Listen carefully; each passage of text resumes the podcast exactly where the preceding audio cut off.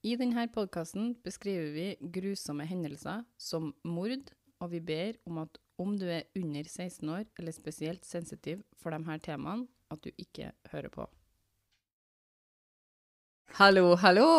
Nei, det slår Nei, litt ikke ut. Jo, ja, det er det jeg har skrevet. Hallo, hallo, liksom. Hallo, hallo! Hallo i luken. Nå starta Maria. Hei, hei, alle sammen. Nå må vi slutte Oh, ja, ok, sorry. Okay. Ja, nå må vi seriøst starte. Ho. OK, én, to, To, tre. Hei, hei, alle sammen. Da er vi klare for en ny liten pause. Her sitter vi igjen, tvillingene og meg. Si hei, tvillingene. Hei, hei. Jeg er Maria, og tvillingene her heter Andrea og Martine.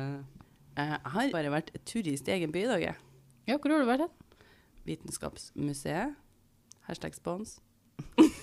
Nei da. Jo da. Nei da. Nei da. Men gjerne spons oss. Ja, nei, men jeg, det var veldig, var veldig hyggelig, det. altså. Jeg syns bare synd på Andrea som har vært på jobb hele dag. ja. Der skjedde litt, det. Da er vi spent, Maria. Hva handler episoden om i dag? Det er faktisk veldig spennende. Den skal handle om to unge jenter som reiser til Panama for å jobbe som frivillig på skole et uh, halvt år. Men uh, de forsvinner. Er den skummel? Den eh, Det kommer an på. Kan jeg innrømme at jeg har eh, hørt den? Ja, du har i hvert fall hørt om den. Ja, men jeg har hørt om saken. Det har ikke jeg. Og de eh, skulle til å si Må du følge meg hjem etterpå, Maria? Ja, det må jeg. Jeg skulle til å si de forsvinner sporløst, men det gjør de ikke, for det er ganske mye spor i den saken her. Det er ganske fascinerende mye å høre om. Så dette er saken om Lisanne Chris fra Nederland. Skal vi bare sette i gang? Ja. Så to jenter fra Nederland hadde en plan om å jobbe frivillig på en skole i Panama et halvt år. De reiser ned til Panama i mars i 2014. Lisanne From, som var 21 år, lang, atletisk og akkurat uteksaminert fra universitetet, hvor hun hadde studert psykologi, blir beskrevet som tankefull, intelligent, empatisk og litt sjenert. Hun elska Coldplay, og hun hadde ei dagbok å skrive i som hun tok med seg til Panama. Chris Kramer, som var 22 år, hadde også uh, nettopp fullført studiene sine på universitetet, hvor hun hadde studert Cultural Social Education. Hun blir beskrevet som en ekstrovert, munter, frittalende og intelligent jente. Hun elska teatret og den artistiske verden. Chris hadde kjæreste i Nederland, og hun skrev også ei dagbok. Så begge to han skrev i dagbok. Mm, og begge to han hadde med seg til Panama. Veldig interessante jenter, da. Ja. Litt sånn kule, freshe 20-åringer, liksom. Sammen hadde de spart lenge til denne turen her, som de hadde tenkt skulle være et friår. Jentene hadde blitt kjent gjennom jobben sin, kafeen In den Klein Happ. Og nå er ikke jeg nederlandsk, så jeg skal ikke eh, garantere for at det ble helt riktig. Men det er røftlig oversatt da, til Den lille munnfull. De eh, bodde jo da i en eh, by som het Amersfoort. I Nederland. I Nederland, ja. Og de leide rom sammen på et studenthus. Så det var sånn de kjente hverandre. Lisanne hadde faktisk flytta fra foreldrene sine og inn med Chris bare noen uker før de eh, reiste til Panama. Planen var ikke bare frivillighetsarbeid på lokale barneskoler, men også sightseeing rundt i Panama. da. Nå må jeg bare spørre. Panama, det er i Nederland? Nei. Panama er en republikk i Latin-Amerika. Ja, men en sånn stor eh, elv. elv der. Ja. Panama Canal. Det lurer jeg på om den heter. Ja. 15. mars i eh, 2014 reiser de til Bocas del Toro i Panama. I to uker reiste de rundt på kysten i Panama før de reiste til Buket den 29. mars. Der fant de ut at de ikke kunne jobbe på barneskolen den uka, som de hadde tenkt. De hadde ikke mulighet til å ha dem der den uka, men de kunne komme uka etter. Begge jentene, men spesielt Lisanne, tok det her tungt. De hadde planlagt hele turen veldig nøye, og det her gjorde at planene deres måtte endres ganske mye. Å, det er ikke noe som er kjipere enn det. Altså. Hva var det, uke jeg måtte plan omplanlegge? Ja, så de fikk ei friuke da, der de ikke hadde noe Men den hadde jeg tatt. Jentene bodde på det tidspunktet her til en vertsfamilie i Alto Bukett. Miriam, eh, Miriam Guera, som het hun som hadde jentene boende til seg, beskrev jentene som smart og sjenert. De neste dagene brukte jentene på å planlegge litt sightseeing rundt i Bukett. De skulle på en jordbærgård, besøke en kaffeplantasje og dra på og klatre i en lokal vulkan. De hadde avtalt eh, med en guide Syke, syke kvinnfolk da, oppi en vulkan, de sjø. De hadde avtalt med en guide å møtes for å dra sammen på en haik. Jeg kommer til å kalle det haik, vi skjønner hva haik er. Ja, ja, ja. En tur. En tur. Jeg får, En lengre tur. jeg finner liksom ikke noe Ja, god oversettelse på det. Jeg føler det er en lang tur. Men før alt det her, da, så skulle de dra på en annen haik. Uh, på Pianista Trails i en skog som har noe som kalles cloud forests. Er Panama kjent for uh, haiker, liksom? Dette er en veldig kjent uh, sånn haiktur, da. Med piano, Pianist Det er ikke så uvanlig at turister tar og går seg Nei. lange gåturer. De har mange sånne ruter, ja. Mm. Og det her har jo noe som heter cloud forests, da. Som er sånn at når du kommer inn i skogen, så er skyene der på bakkenivå. Oi. Oi, så stilig. En skog full av skyer. Ikke syk. Ikke det? Stien eh, lå ved den aktive vulkanen Baru Vulcano. Og det var en populær sti som eh, ender i en møtetopp kalt The Great Divide. Denne turen tar da ca. fire timer å gå opp og tilbake igjen. Og ifølge Travel Goodies så kan man dele opp den turen her i tre deler. Den første delen er på ca. 20-30 minutters gange gjennom ganske åpne sletter. Den neste delen da er Cloud Forest-delen. Her sies det at det er ganske magisk stemning. Men uh, man Kan, kan ikke du google det, Andrea, bare så vi, vi vet Det ser jo helt fantastisk ut. Ja. Ser litt sånn spøke... Ja, det ser jo superfantastisk Det ser jo litt sånn eh, Disney-aktig ut. Mm, det er litt sånn våt drøm for en fotograf, tror jeg. Ja, det, det, du, du sier noe der. Se her, Andrea. Tror dere at vi at nå blir sponsa av noe reiseprogram? Ja, Absolutt. Siste del er når man kommer opp til toppen, eh, og man er over skylaget i skogene. Bak det de kaller for The Great Divide, som er enden på denne hikingturen, er det mye stier som er dårlig vedlikeholdt. Det er dårlig merking av stier. Det er mye plantevekster, det er hengebruer som ikke er trygge, og farlige forhold, og derfor er det anbefalt å ikke gå lenger enn The Great Divide. Mm. Eh, det, det er ikke sagt at du ikke kan gå bak The Great Divide, men da er det gjerne anbefalt å ha med seg en sånn local tour guide, da. Riktig. Ifølge bloggen til Scarlett R, så uttaler en taxisjåfør uh, seg om at han slipper Lisanne og Chris da, av uh, på begynnelsen av gåturen rundt klokka kvart på to. Men klokka på kameraet deres indikerer at de starta klokka 11. Jeg vet ikke helt hva som er riktig, uh, men de var i hvert fall kledd i, i shorts og lett kledd. Altså de skulle bare på en kjapp tur øh, opp den stien her og ned igjen. Uh, kledd i shorts og lyse klær. De hadde ikke tatt med seg mye. Et kamera, de hadde tatt med seg telefonene sine, som var en iPhone og en Samsung-telefon. Et pass, litt penger og bare litt drikke. Ei, drikkeflaske, altså ei vannflaske, da. Det er òg nevnt i flere av kildene at de tok med seg en hund som tilhørte vertsfamilien på tur. Å ja, de tok med seg en hund. Mhm. Og det er det som faktisk gjør folk først bekymra. For hunden, han Asul, kommer tilbake til vertsfamilien samme dag uten noe tegn til jentene. Å ja. Bare dukka opp, liksom? Ja, han fant veien tilbake sjøl. Vertsfamilien blir bekymra, men blir enige om at eh, Jeg tror de, de leter litt sånn rundt eh, huset sitt og ser litt etter dem, men blir enige om at eh, Chris og Lisanne har gått en tur etter haiken sin og gjort noe annet, da. Neste dag, den 2. april, møter jentene ikke opp til den planlagte turen de har med tourguiden sin, og dermed blir jentene meldt savna til myndighetene, og familien deres blir varsla. Den 3. april gjør myndighetene et søk i lufta, mens folk fra lokalbefolkninga, spesielt tourguides som kjenner stiene og Pianista Trails godt, da, gjør et søk på bakken. Så politiet er ikke nevneverdig bekymra, da de tror at jentene bare har dratt på fest eh, og glemt å si fra eller gi beskjed. 6. april, fem dager etter de forsvinner, flyr familiene til Lisanne og Chris til Panama, og de har med seg nederlandske politibetjenter, etterforskere og hunder som var med og hadde et fullstendig søk i skogen i ti dager. Bra jobba av Nederland, da. Ja. Så de er fortsatt ikke funnet etter ti dager, da. Nei, Og det er ganske lenge. Ifølge en artikkel på Big Global Travel skrevet av Susie Green, så ble søkene minimert etter den 14. april. Så 13 dager etter de forsvant. Så Så det begynner det å bli mindre. Men søkene fortsetter i ti uker, bare i redusert kapasitet. Så de fortsetter i ti uker til å lete etter dem. Men da er det mye tourguides og, og lokalbefolkninga som, eh, som gjør en del søk. Da. står av søkene. Mm. Scarlett R nevner i sin blogg om saken at foreldrene til jentene lovte en belønning på 30 000 dollar til den som kunne hjelpe dem å løse saken, men ingen ny informasjon kom inn. Ti uker etter jentene forsvant, skjedde noe. Det kom ei dame fra en lokal stamme som het Ngabbe, inn til politiet med Lis Lisanne sin ryggsekk, som hun påsto at hun hadde funnet ved elvebredden nær landsbyen Alto Romero. Den landsbyen lå på andre sida av fjellet for Pianista Trails og omtrent 14 timer gangavstand fra der jentene egentlig hadde vært på tur. Oi. Ja, det er ganske langt unna. Hun som leverte sekken, sa hun gikk den turen hver dag, og den sekken hadde ikke vært der dagen før. Så hun mener at den kommer er- ned elva, da, eller?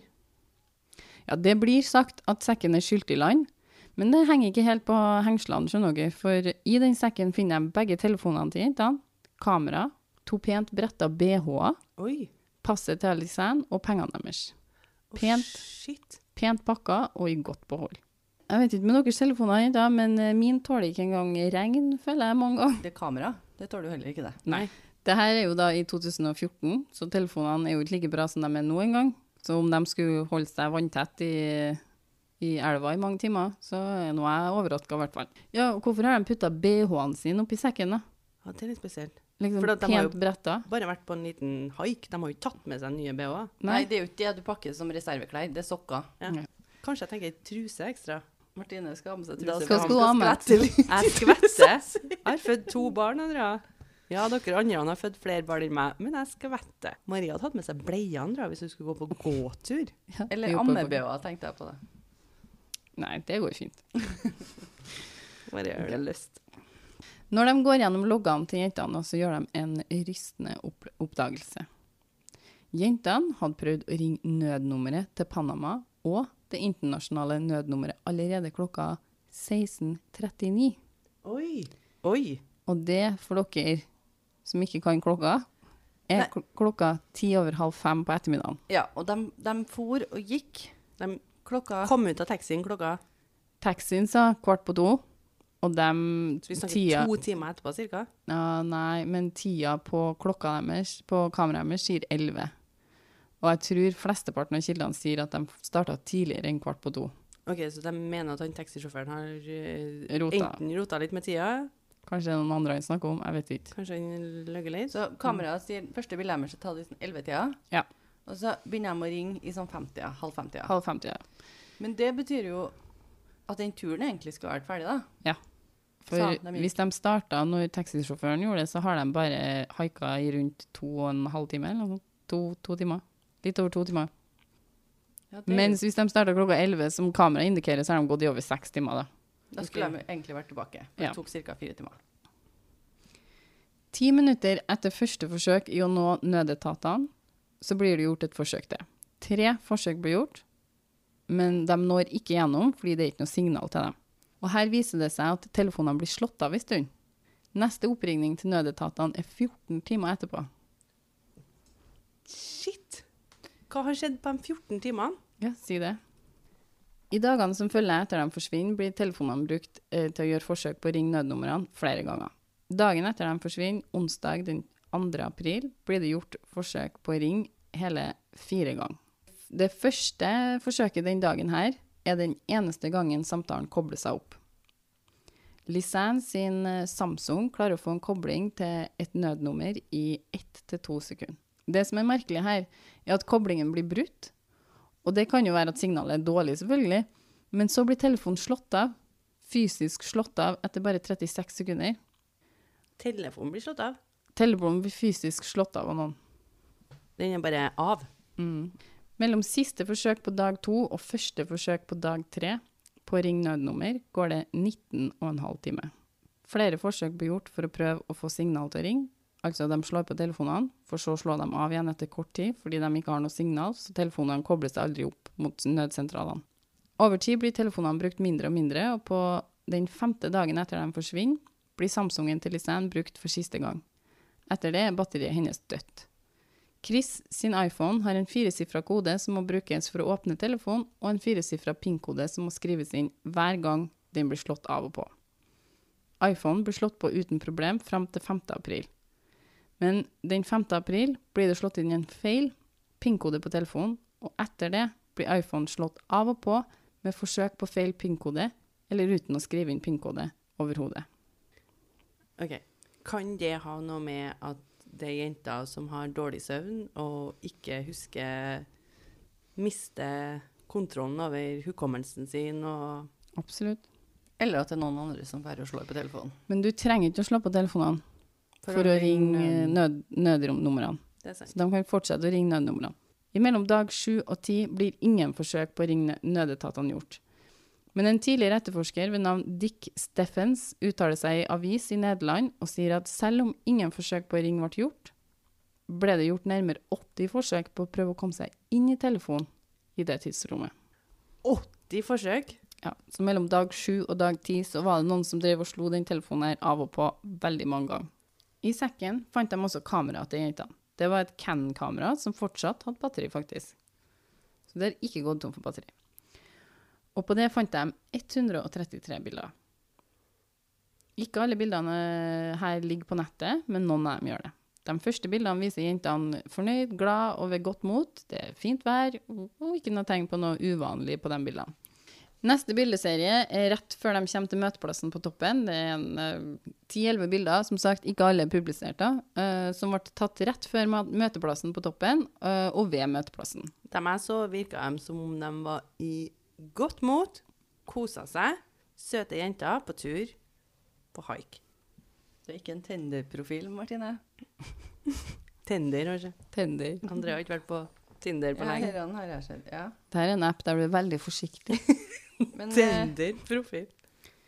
Når etterforskerne ser på bildene av jentene, ser de at jentene faktisk fortsetter turen etter møteplassen istedenfor å gå tilbake ned mot Bukett. Neste bildene på kamera viser Chris, som går med hendene bak ryggen ganske langt ifra kamera, og et bilde hvor hun går over en liten back. Og det er bare hun Chris som er på de bildene. Og da er hun litt lenger ifra. Litt sånn annen stemning på bildene.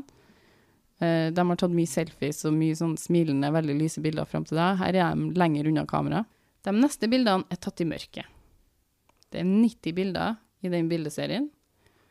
Uh, de er tatt ei uke etter bildene i dagslys, så den 8. april er det tatt 90 bilder om natta. Bildene viser ikke mye. Mest bilder er bare tatt rett ut i mørket. Ett bilde er av bakhodet til Alice. Ganske blankt og shiny hår hun har ennå. Ja, det, det ser mer ut som en parykk. Mm, det her er åtte dager Mm. etter de forsvinner. Da har de ligget ut i åtte dager. Spekulerer ikke de om de brukte kamera til å holde lys? Ja, Men det som er sagt om det, er jo at hvis du bruker blitsen på kameraet ditt, si det, det blir jo veldig vanskelig. Ja, Ja. men hvis du holder inn ja, så blir du blenda. Så du ødelegger nattesynet Ok. ditt Ja. av å bruke blitsen. Og ikke bare det, den vil, ikke vare så veldig lenge hvis du får tre sekunder med blits. Selv om kameraet hadde en videofunksjon, så ble den aldri brukt. Det blir dratt fram at de skriver dagbøker, begge to. Veldig opptatt av å liksom skrive om opplevelsene sine og sånn. Og hvis de er forsvunnet inn i skogen og ikke finner veien sin hjem, og de har vært ute der nå i åtte dager, så er det litt rart at de ikke filmer seg sjøl, si noen ting til familien sin, eller i alle fall, hvis du tror at du ikke blir funnet, så ville jeg kanskje lagt igjen en uh, videohilsning, da, hvis man kan kalle det, til familie og venner. Men hvis de er tatt til fange, eller fange, høres det ut som uh, Ja. Men hvis de er tatt, så er det jo litt vanskelig å ta opp et kamera og filme seg sjøl. Ja, og en teori er at de driver og knipsa bilder fordi at de skulle uh, på en måte s- skremme bort noen, eller skremme bort Ja. dyr, eksempel. Ja, hvis alle bildene er tatt på kvelden. Men du ville, hvis du hadde fanga noen, så ville du ikke latt dem tatt bilder med blits. Hadde du jo på et tidspunkt sagt kunne du legge fra deg det kameraet. Men jeg vet ikke, hvis jeg sjøl har sittet og kanskje vært veldig redd og sånne ting, har ikke jeg da tatt bilder av meg sjøl? Av 90 bilder så har det vært et bilde av deg eller meg. Ja, for å vise hvor dere er, Ja. hvor man er, om man sitter i ei grotte, om man sitter liksom på Er det Hvis du ikke begynner å bruke det litt som overlevningsteknikk, Ja. og ikke for å vise noen andre hvordan du har det, men heller bruke det som lykt og sånne ting, som jeg, jeg syns er veldig rart å gjøre, fordi at det vil ikke funke. Prøvde de å finne ut hvor de var hen i mørket? Tok de bilder for å liksom se på bildene etterpå, hva er det som foregår Men foran det- oss? Men det blir jo lyst på dagen. Og hvorfor bare ta bilder om kvelden, da? Og hva med resten? Superspesielt. Hva med resten av uka de var borte? Ja. Hvorfor ikke tatt noen bilder da? De har jo hatt den her så lenge de har hatt telefonene sine òg. Mm. Men ingen av bildene er tatt ansikt. Nei, og så er det òg en teori at uh, det er tatt så mange bilder for å prøve å viske over andre bilder. Altså ta nye bilder etter at de har sletta bilder. For det som er enda mer merkelig, det er at det er ett bilde som er sletta. Kameraet nummererer jo bildene ettersom de blir tatt, da. Og imellom det siste bildet i dagslys, som er nummer 508 på kamera, og det første bildet ei uke etterpå, som er på natta, som heter 510, så er det ett bilde som mangler, og det er bil- bilde 509. Det er fysisk noen som har gått inn i et Canon-kamera og fysisk sletta det etter at de har tatt det. Noen Ja. som har gått inn på et minnekort, vil jeg tro. Ja, for her er clouet. Hvis du sletter Du, du Martine vet sikkert dette mer enn meg som er fotograf, men bilder som blir sletta manuelt, forsvinner ikke helt fra kamera. Så hvis Nei. du går inn på kamera og sletter et bilde, så ligger det egentlig innpå der ennå. Det ligger ikke innpå, inn det ligger ikke inne på kamera. Det ligger innpå minnekortet. Ja, i en form. I en fin form. Hvis du sletter bilder, og begynner å ta bilder over, så er det vanskeligere å hente ut bildene. Ja, og det er en teori, at de drev og tok 90 bilder her. For det, bildene ble tatt på en sånn veldig kort tid. Tre timer tror jeg de driver og tar bilder. 90 bilder. Ett bilde hvert andre minutt eller noe sånt. Ja, det er ganske mange bilder. Mm. Så er en, en teori at de, noen driver og tar bilder for å skrive over det, er det som er sletta. Etterforskerne fant ut at alle bildene jentene hadde tatt hele ferien, altså av alle bildene de hadde tatt hele tida i Panama, så var ingen sletta. Så hvorfor har de liksom sletta ett bilde på den turen her? Så jeg syns nesten at dette er litt skummelt. Ja, jeg syns Ubehagelig. den er litt ubehagelig, den her. The Travel Channel har en episode på programmet Lost in the Wild som tar for seg den saken her. Og de sier at det egentlig ikke er mulig at jentene sletta bildet før de tok de neste bildene ei uke etterpå. Og de prøver faktisk ut det i programmet. Da. Og det viser at det neste bildet som blir tatt etter det de sletter, får samme navnet for det, som det som blir sletta. Men det det stemmer. Det stemmer. Mm. Da Så- må du være ferdig med å ta bilder, og så gå tilbake og slette. Mhm. Så det de tenker, er at uh, før de, noen har putta den her i en ryggsekk og pakka sammen BH-ene deres og putta telefonene og kamera, så har de gått og sletta bildet. Mm. For det vil si at det må ha blitt sletta etter jentene eller noen andre tok de der uh, bildene ei uke etterpå. Det var mange som lette etter de jentene der når de forsvant. Blant annet, som jeg nevnte, så var det en del tourguides som kjente områdene godt, som meldte seg på letinga. Ti uker etter jentene forsvant, mobiliserte politiet seg for å lete på den andre sida av fjellet, der de fant sekken, etter spor av jentene. Og på den sida av fjellet finner de deler av menneskelevninger. Nei. En av skoene til jentene ble funnet med foten inni skoa, altså helt avkutta ved ankelen, med sokken fortsatt på og skolissene ganske stram. Så den foten sitter igjen inni skoa. Oh, det er ekkelt. Tenkte jeg å komme over dere. Ja. mm. Skoen ble funnet av en lokal tourguide bak eller nesten under et tre i nærheten av Alto Romero. Ganske langt bort fra elva de mente sekken hadde vært i. da. Sier du at det her er de jentene? Det her er jentene, ja. Etterforskerne uttalte at foten var kutta veldig pent, og det var ingen blod funnet på den. Ingen bitemerker, hakk, skuddmerker eller noe annet ble funnet på foten her. da. Er det fortsatt Er det bare skjellet igjen? Er det Eh, nei, det er en del hudrester. Det som er naturlig etter ti uker. Den, den er jo ikke helt uh, OK, så de mener at det har gått ti uker? Det har gått ti uker. Ja, det er jo men- naturlig å tenke at du ikke har overlevd i villmarka i veldig lang tid. da. Så det stemmer sånn cirka. Skulle si forråtningsprosess og sånn. At det er litt ø, hud og sånn igjen på den foten her. da. Omtrent 33 ganske godt spredde beinrester ble også funnet langs elvebredden. Og av de 33 beinrestene kom mesteparten fra en venstre fot. Lokasjonen på de her beinrestene var noen kilometer fra der etterforskerne tror at nattbildene var tatt den 8. april, men skoene med foten ble funnet lenger opp i elva, mot strømmen fra der de trodde bildene var tatt. For de mener jo at de har forulykka, at de har falt i elva, eller det er teorien de jobber ut ifra på det tidspunktet her. Resten av beina ble funnet langs elva, noen flere kilometer fra hverandre, og en halvdel av et bekkenbein ble også funnet. Nei, uff. 20.6 holdt jentene sine familier en pressekonferanse og forteller at de har grunner til å tro at jentene er døde. DNA-spesialister matcher beinrestene fra foten til så og bekkenbeinet til Chris. Etter hvert kommer det fram at det også er et ribbein fra Chris som er funnet, og øvre del av foten til Alice. Grusomt. En La Estrella de Panama nyhetsartikkel skrevet av Adelita Coriat refererer til at det er en spesialist som ser på den rettsmedisinske rapporten, og han sier at det er umulig at jentene har blitt tatt av elva pga. den unaturlige spredninga av levninger. Der pekes det også på at det har blitt brukt kjemikalier på levningene som får dem til å spekulere om noen har prøvd å fjerne spor eller rester av bein ved hjelp av kjemikalier. Det som er ganske merkelig, er at Lisanne sin fot er funnet med noen hudrester, som jeg sa. Noe som er naturlig i forhold til når de kunne ha dødd. Chris sine beinrester derimot er helt skrapa. De har ingenting igjen på seg. Det er bare bein. Så det kan se ut som de har ligget her lenger.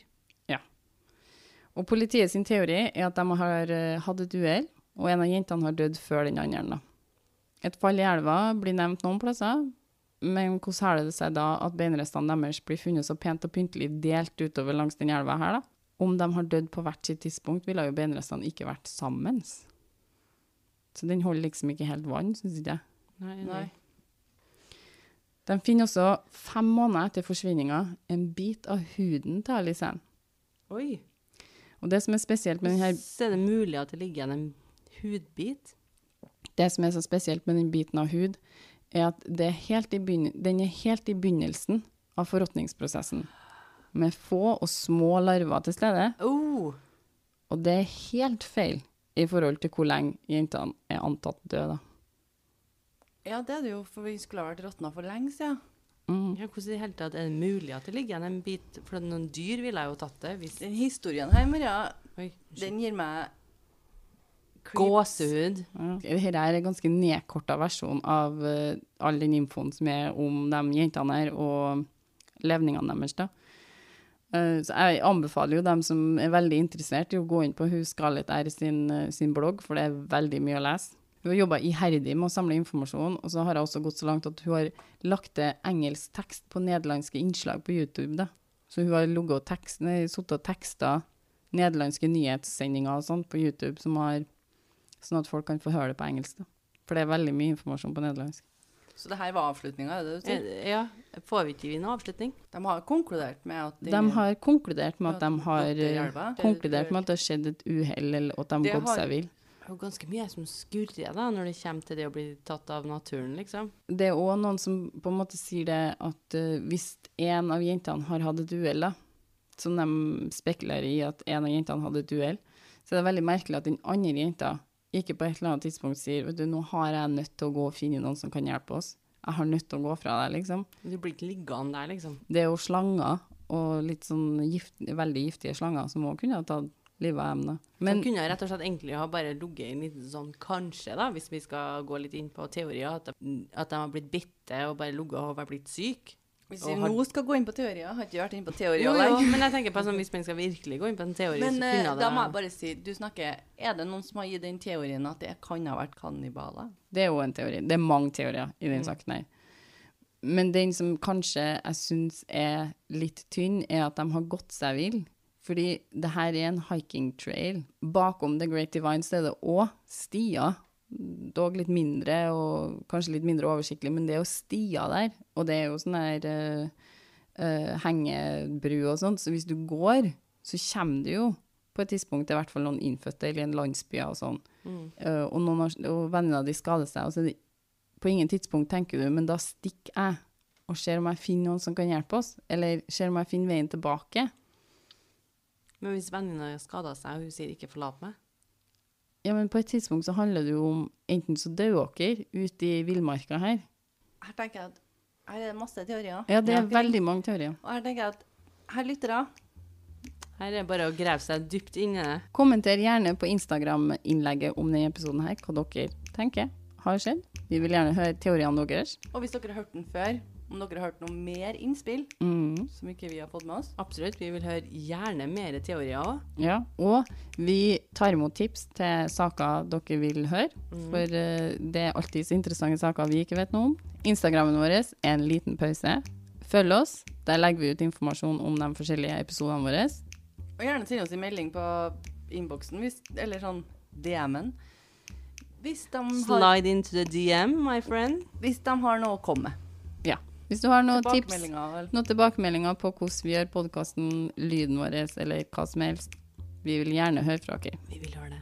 Ja, vi vil gjerne høre det. Vi vil ha veldig gjerne tilbakemeldinger. Ja. For vi vet egentlig ikke hva vi holder på med. Nei. Men jeg tror kanskje at vi blir bedre.